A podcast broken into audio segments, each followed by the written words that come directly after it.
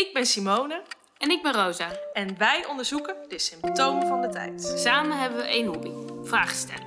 Vragen stellen aan elkaar en anderen. We gaan in gesprek met mensen van verschillende generaties. Aan de hand van de 61 vragen van Marcel Proest. Hij heeft een vragenlijst opgesteld die, als je ze eerlijk beantwoordt, inzicht geven in wie je op dat moment bent. Welkom bij de Symptomen van de Tijd podcast.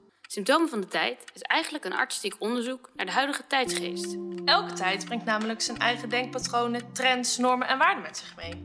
Wij gaan de 61 vragen aan onszelf en aan 60 mensen vanuit alle generaties stellen. Zo proberen we inzicht te brengen over deze tijd. We stellen onze gasten dan steeds 6 plus 1 vragen, die kort, persoonlijk met een intiem karakter zijn. De eerste 6 vragen worden beantwoord door 10 mensen, de tweede 6 vragen door 10 andere mensen, etc. etc. Eén vraag is steeds hetzelfde.